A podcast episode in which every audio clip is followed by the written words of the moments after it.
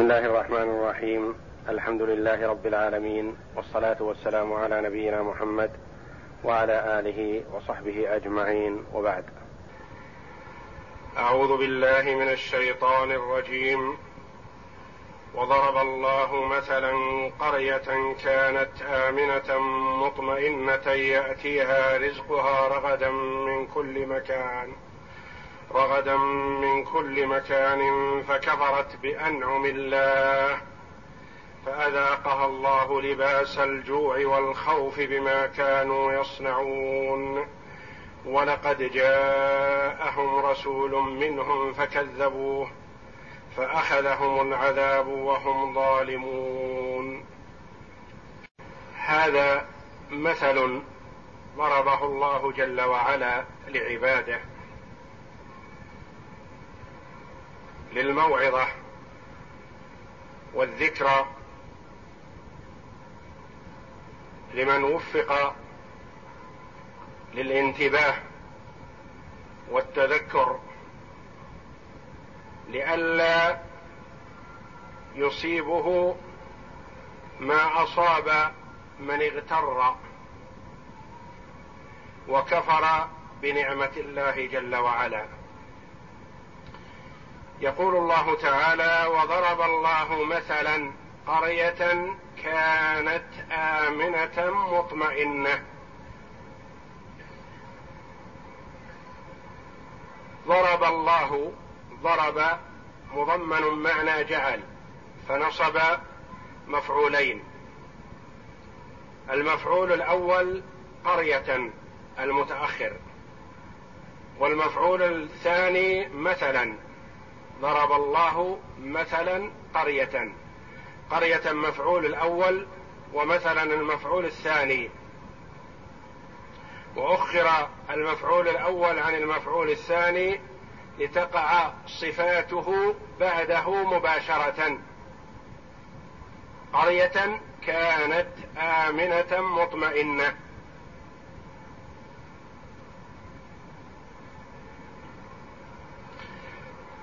وما المراد بهذه القرية؟ أهي قرية معينة؟ أم هي أي قرية وقع عليها هذا الوصف؟ قولان للمفسرين رحمهم الله. القول الأول والذي عليه جمهور المفسرين أن المراد بالقرية مكة.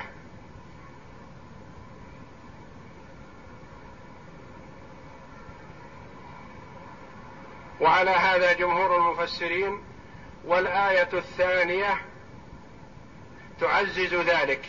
ولقد جاءهم رسول منهم فكذبوه فأخذهم العذاب وهم ظالمون.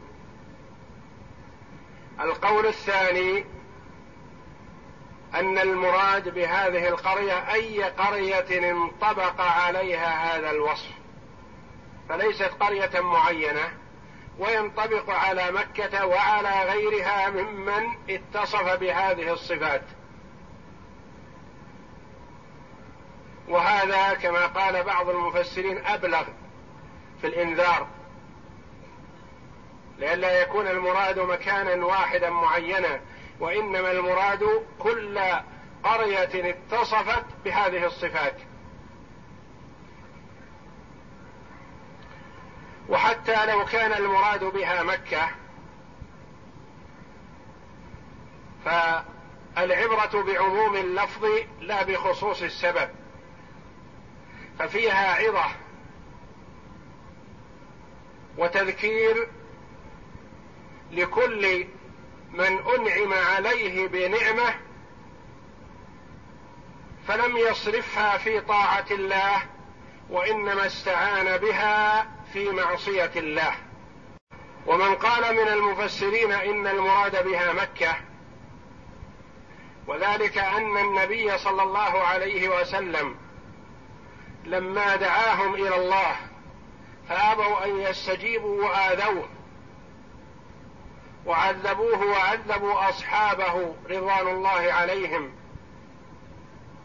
واضطروهم إلى الخروج من مكة اولا من مكة إلى الحبشة ثم من الخروج من مكة إلى المدينة للهجرة. وهاجر رسول الله صلى الله عليه وسلم من مكة إلى المدينة. ومكة أحب البقاع إليه صلوات الله وسلامه عليه. فلما خرج من مكة توجه إليها وهو في طريقه إلى المدينة فقال إنك والله لا أحب البقاع إلى الله وأحب البقاع إلي ولولا أني أخرجت منك ما خرجت. فخرج صلى الله عليه وسلم يبحث عن أنصار ينصرونه ليعلي كلمة الله. وليدعو إلى الله جل وعلا. فخرج من أحب البقاع إليه وتوجه إلى المدينة حيث النصرة. والأنصار هناك رضي الله عنهم وأرضاهم.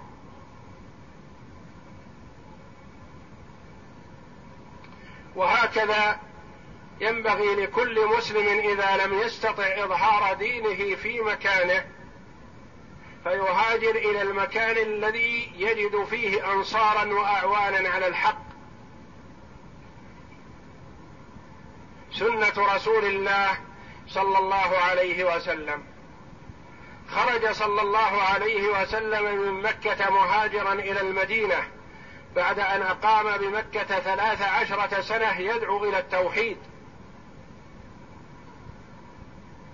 وخرج معه من أسلم قبله وبعده ومعه رضوان الله عليهم.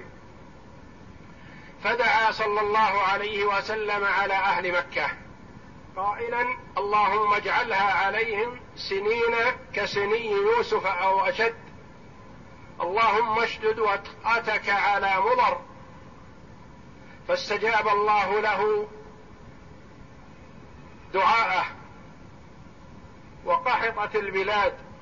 وأصابتهم سنة عظيمة شديدة. أكلوا معها العظام. وأكلوا معها الوبر مغموسا بالدم. من شدة الجوع. منع الله عنهم المطر من السماء. وامتنعت القبائل قبائل العرب من أن تجلب إلى مكة طعاما.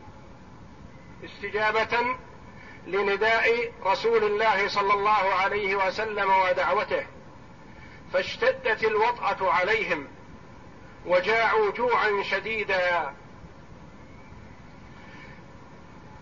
فذلك المثل الذي ضربه الله جل وعلا لكل من اتصف بهذه الصفة. يقول الله تعالى وضرب الله مثلا قرية كانت آمنة مطمئنة يأتيها رزقها رغدا من كل مكان فكفرت بأنعم الله. فأذاقها الله لباس الجوع والخوف بما كانوا يصنعون. قرية كانت آمنة لا تخاف.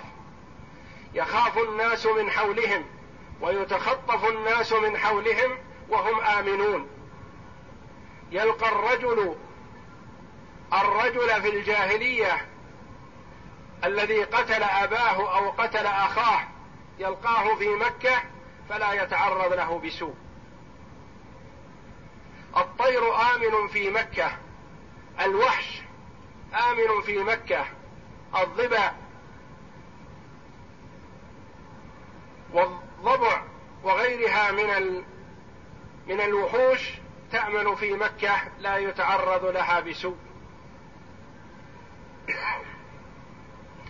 قرية آمنة يعني أهلها آمنون مطمئنة غير منزعجة. فيها الطمأنينة.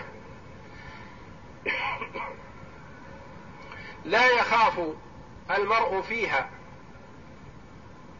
يأتيها رزقها رغدا من كل مكان. الرزق كثير. يجلب إليها من كل مكان.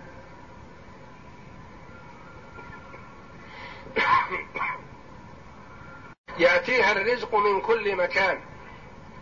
من جميع الأقطار من خيراتها ترسلها إلى مكة لينعم أهلها بهذه الخيرات. إكراما من الله جل وعلا لبيته ولمجاوريه. يأتيها رزقها رغدا يعني كثيرا. وفيرا ميسرا. تجلب إليهم خيرات العالم. من كل مكان لا من جهة واحدة. ولا منها فقط وإنما من جميع الجهات يأتي الرزق. فكفرت بأنعم الله. كفرت جحدت وأنكرت نعمة الله جل وعلا. وأعظم نعمة أعطوها بعثة محمد صلى الله عليه وسلم. فيهم ومن بينهم يعرفونه يعرفون نسبه يعرفون نشأته يعرفون صدقه وصلاحه واستقامته منذ نعومة أظفاره كان يلقب عليه الصلاة والسلام بالصادق الأمين.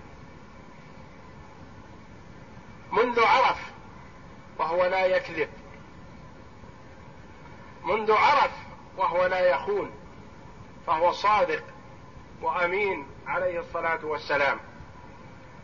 ومثل هذا الصادق الأمين يتعامل بالصدق دائما وأبدا مع الخلق فلا يليق به أن يكذب على الخالق جل وعلا. صلوات الله وسلامه عليه. لو جاءهم من بعيد لاحتمل الصدق والكذب ما يعرفونه. فيكون منه على حذر لكنه نشأ منهم. ومن بينهم ولم يقل ما قال عن الله إلا بعدما بلغ أربعين سنة. منتهى العقل والإدراك والحكمة صلوات الله وسلامه عليه.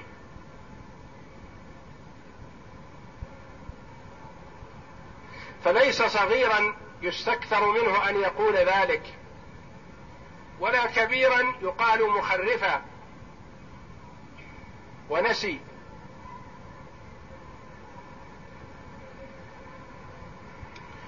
نعم الله جل وعلا عليهم عظيمة بهذه الخيرات وأكملها وأعظمها بعثة محمد صلى الله عليه وسلم.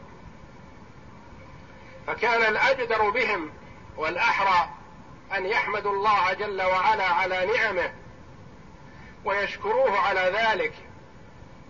ويسارعوا في متابعة محمد صلى الله عليه وسلم ويكونوا أولى الناس بالمتابعة والنصرة والتأييد. لأن عزه عز لهم وظهوره ظهور لهم وعلو شأنه علو شأن لهم. فالخير لهم بمتابعته صلى الله عليه وسلم ونصرته وتأييده. لكنهم قابلوا ذلك بالعكس. جحدوا نعمة الله وآذوا رسول الله وكذبوه وطردوه من بلاده التي نشأ فيها صلوات الله وسلامه عليه.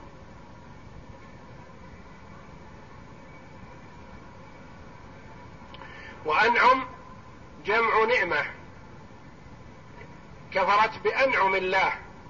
فلم تكن نعمة واحدة وإنما نعم عظيمة.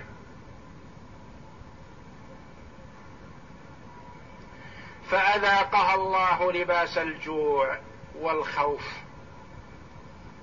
أبدل النعمتين العظيمتين السابقتين بضدهما.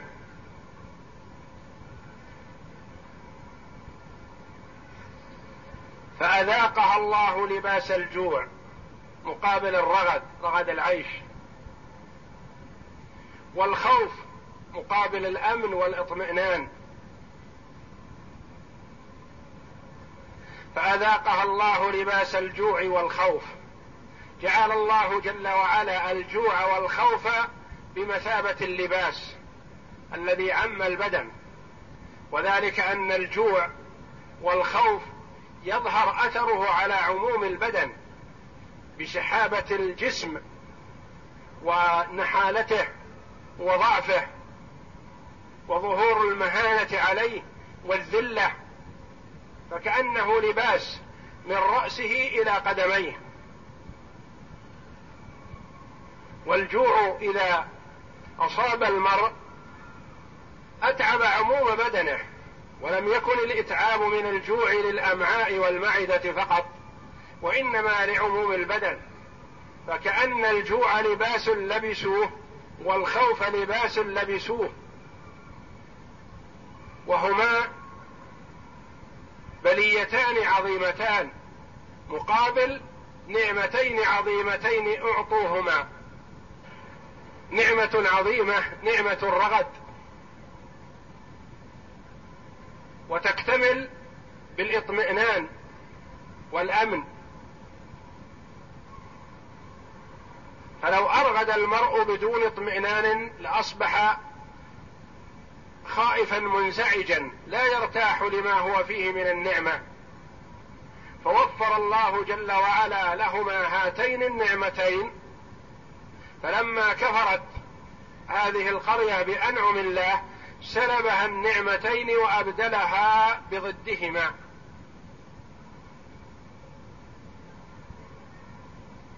جوع وخوف.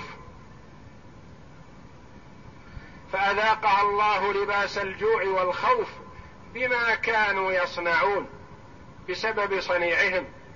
ما ظلمهم الله جل وعلا شيئا ولكنهم ظلموا أنفسهم بصنيعهم السيء. دعوا إلى كلمة التوحيد فأبوا.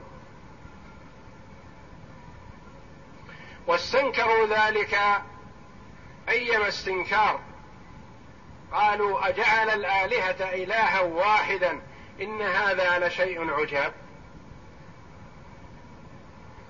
ومن ينفع إلا الله وحده لا شريك له وهل تنفع الآلهة؟ أصنام.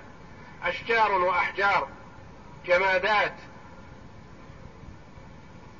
عجينة من البر أو عجينة من التمر يعبدها المرء فإذا جاع أكلها. أين العقول؟ ميت لا ينفع ولا يضر ولا يدري من حوله. يسأل ويدعى ويتضرع إليه ويطاف بقبره. أين العقول؟ يترك المرء عبادة ربه الخالق الرازق المحيي المميت المتصرف في الكون الذي يرى ويسمع دبيب النملة السوداء على الصخرة الصماء في ظلمة الليل. الذي يتلطف مع عباده بقوله وإذا سألك عبادي عني فإني قريب أجيب دعوة الداعي إذا دعان فليستجيبوا لي وليؤمنوا بي لعلهم يرشدون. الذي يعلم خائنة الأعين وما تخفي الصدور ولقد خلقنا الإنسان ونعلم ما توسوس به نفسه ونحن أقرب إليه من حبل الوريد. ولذا كان أظلم الظلم هو دعوة غير الله. لأن الدعاء لله وحده لا شريك له. فإذا صرفه المرء لغيره فقد اتصف بأظلم الظلم وأبشعه. يصرف حق الله لغيره صرف حق المخلوق لمخلوق آخر ظلم. وأبشع منه وأشد صرف حق الله جل وعلا لغيره. ممن لا ينفع ولا يضر ولا يسمع ولا يرى. فأذاقها الله لباس الجوع والخوف بما كانوا يصنعون بسبب صنيعهم السيء. وهذا مثل ضربه الله جل وعلا لعباده ليتدبروا ويتأملوا ويستعينوا بنعم الله جل وعلا على عبادته وطاعته. وإلا فالله جل وعلا بالمرصاد يمهل ولا يهمل. والشواهد على هذا كثيرة جدا. ينعم الله جل وعلا على أهل البلاد بنعم عظيمة. بخيرات جزيلة رغد وأمن واستقرار وتوفر المعيشة. ثم تنهمك ينهمك أهلها في المعاصي. فيمهلهم الله جل وعلا لعلهم يتعظون لعلهم يرجعون. لعلهم يسمعون لدعوة الحق لعلهم يستجيبون لعقلائهم. فإذا لم يستجيبوا ولم يرعوا أخذهم الله جل وعلا أخذ عزيز مقتدر. جعل بأسهم بينهم. ثارت الحروب بينهم. صار الخوف والوجل صار المرء يخشى إذا تكلم من ابنه من زوجته تتجسس عليه تنقل كلامه. المرء يخاف من أخيه لا يطمئن إليه. المدافع والقنابل بين يديه ومن خلفه. الخوف والرعب. ما سبب ذلك؟ هو معصية الله جل وعلا. إن الله لا يغير ما بقوم حتى يغيروا ما بأنفسهم. لا يغير ما بقوم من الأمن والاستقرار والرخاء وطمأنينة العيش إلا إذا غيروا. إذا غيروا. أقبلوا على المعاصي وتركوا طاعة الله غير الله عليهم. لا يغير ما بقوم إذا كانوا على معاصي. وفجور وإعراض عن الله. لا يغير الله ما بهم من الشقاء والبؤس ونكد العيش إلا, إلا إذا غيروا ما بأنفسهم من الرجوع إلى الله جل وعلا والتوبة والندم. والله جل وعلا يغار إذا انتهكت محارمه. والعبر كثيرة. والمواعظ زاجرة. ومن حولنا وعن يميننا وعن شمالنا. فالله الله في طاعة الله جل وعلا. والحذر من معصيته. والحذر كل الحذر من استعمال نعمة الله جل وعلا في معصيته. والحذر من كفر النعمة. والاستهانة بها واحتقارها. والحذر من التثاقل عن طاعة الله جل وعلا. فإذا استمر العباد في طاعتهم لله جل وعلا استمر الخير لهم والنعم متوفرة. وإذا أعرضوا عن طاعة الله جل وعلا سلبها تعالى يسلب نعمه ويصرفها إلى من يستحقها من عباده. والنعم تدوم بالشكر وتنفر بالكفر. والله جل وعلا يقول وإذ تأذن ربكم لئن شكرتم لأزيدنكم ولئن كفرتم إن عذابي لشديد. والكفر يكون بالكفر الأكبر الذي هو عبادة غير الله ويكون بكفر النعمة فيسلبها الله جل وعلا وإن لم يكفر عبده به إذا كفر نعمته. فليس بها فليس المقصود بهذا المثل مكة وحدها في ذلك الوقت حينما كفرت بنعمة الله. فسلط الله عليهم الجوع والخوف. الجوع بأن أكلوا الشعر والصوف والوبر المغموس بالدم من الجوع والعياذ بالله. وأكلوا العظام. والخوف من النبي صلى الله عليه وسلم ومن جيوشه وسراياه. كانوا غير مطمئنين وغير آمنين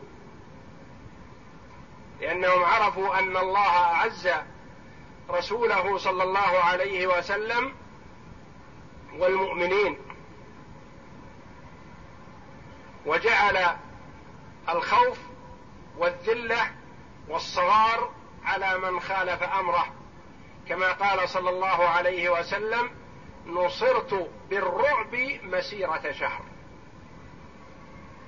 من كان بينه وبين النبي صلى الله عليه وسلم مسيرة شهر من الزمان فهو مرعوب خائف من النبي صلى الله عليه وسلم ومن معه من المؤمنين.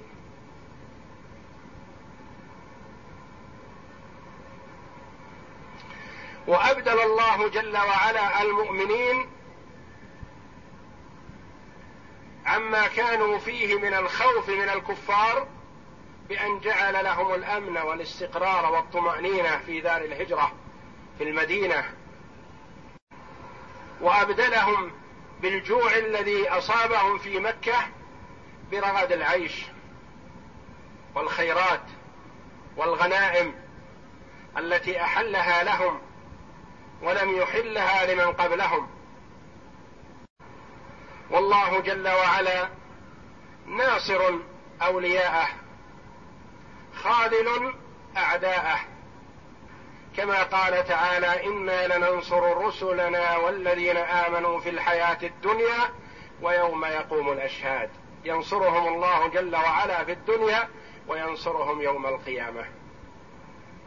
ولقد جاءهم رسول منهم فكذبوه فاخذهم العذاب وهم ظالمون.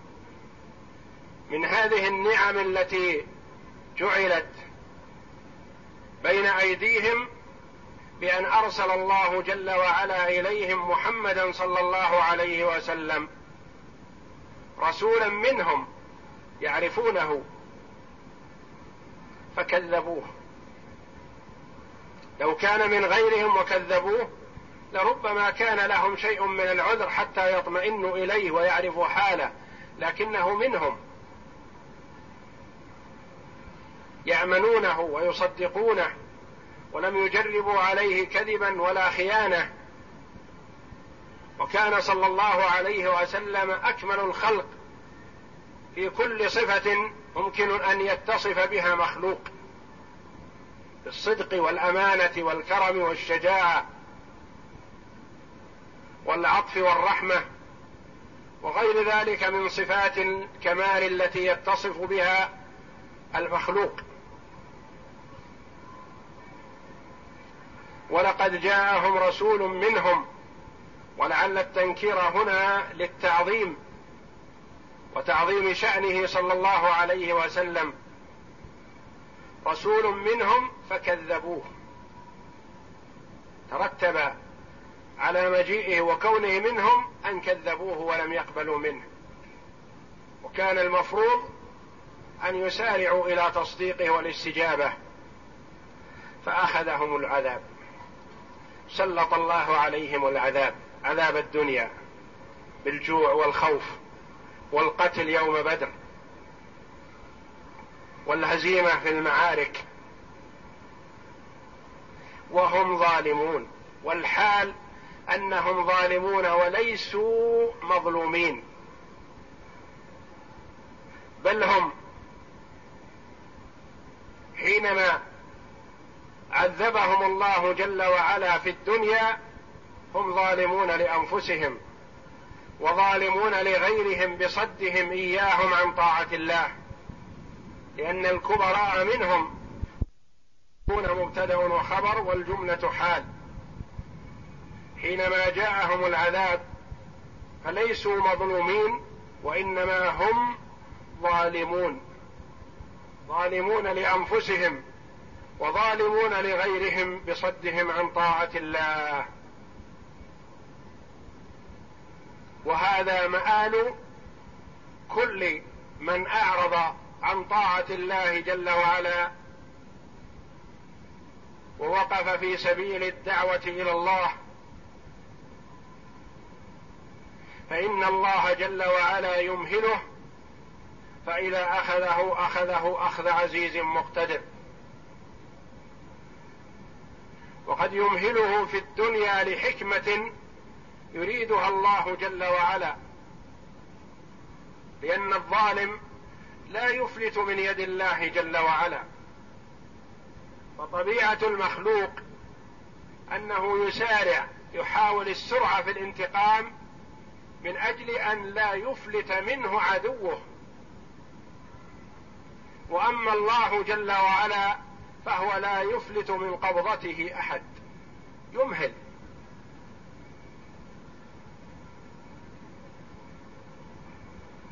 تأمل. المخلوق إذا أحب الانتقام حب أحب المسارعة لئلا يفلت من يده لأنه يفوته. وأما الله جل وعلا فهو لا يفوته شيء. ولا يفلت أحد من قبضته. الخلق بين يديه يتصرف فيهم كيف يشاء جل وعلا لا يعجزونه. لا يستطيعون الهروب عنه لا في السماء ولا في الأرض. بين يديه دائما وأبدا.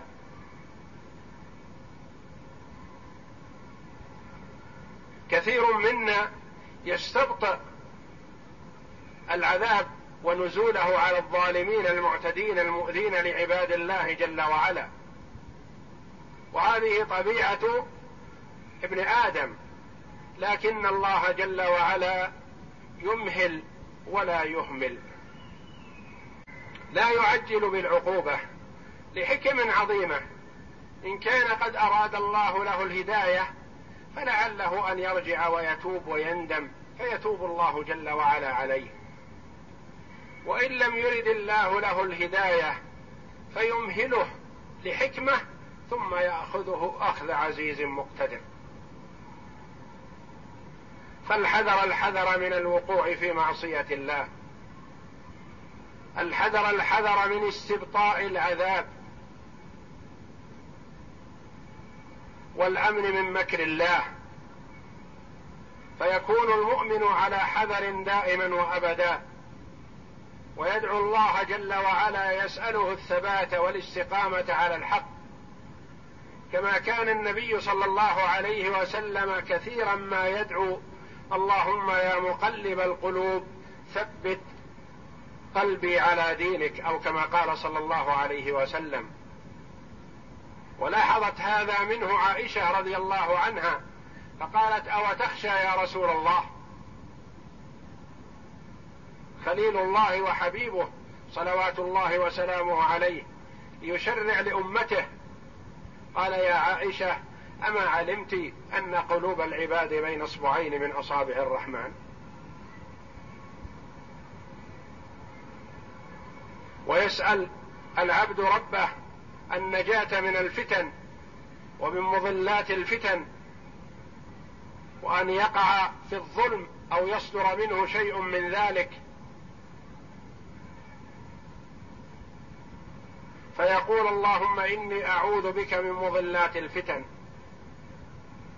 اللهم إني أعوذ بك أن أضل أو أضل أو أزل أو أزل أو أظلم أو أظلم أو أجهل أو يجهل علي. يلح على الله جل وعلا بالدعاء والله جل وعلا قريب من عباده. يحب أن يلح عليه. الله يغضب إن تركت سؤاله وبني آدم حين يسأل يغضب. يأمر عباده بدعائه والتضرع إليه وسؤاله والالتجاء إليه. ويستجيب لعبده ما لم ييأس. فإذا يئس والعياذ بالله حرم الإجابة.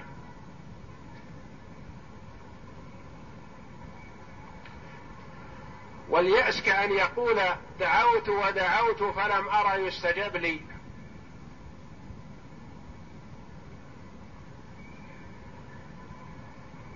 فيكثر من الدعاء والتضرع إلى الله جل وعلا وهو موقن بالإجابة. ادعوا الله وأنتم موقنون بالإجابة. وإجابة الله جل وعلا لعباده إما أن يعجل لهم ما دعوا به وإما أن يدفع عنهم من السوء أفضل مما دعوا به وإما أن يدخر لهم في الدار الآخرة ما هو خير لهم مما دعوا به.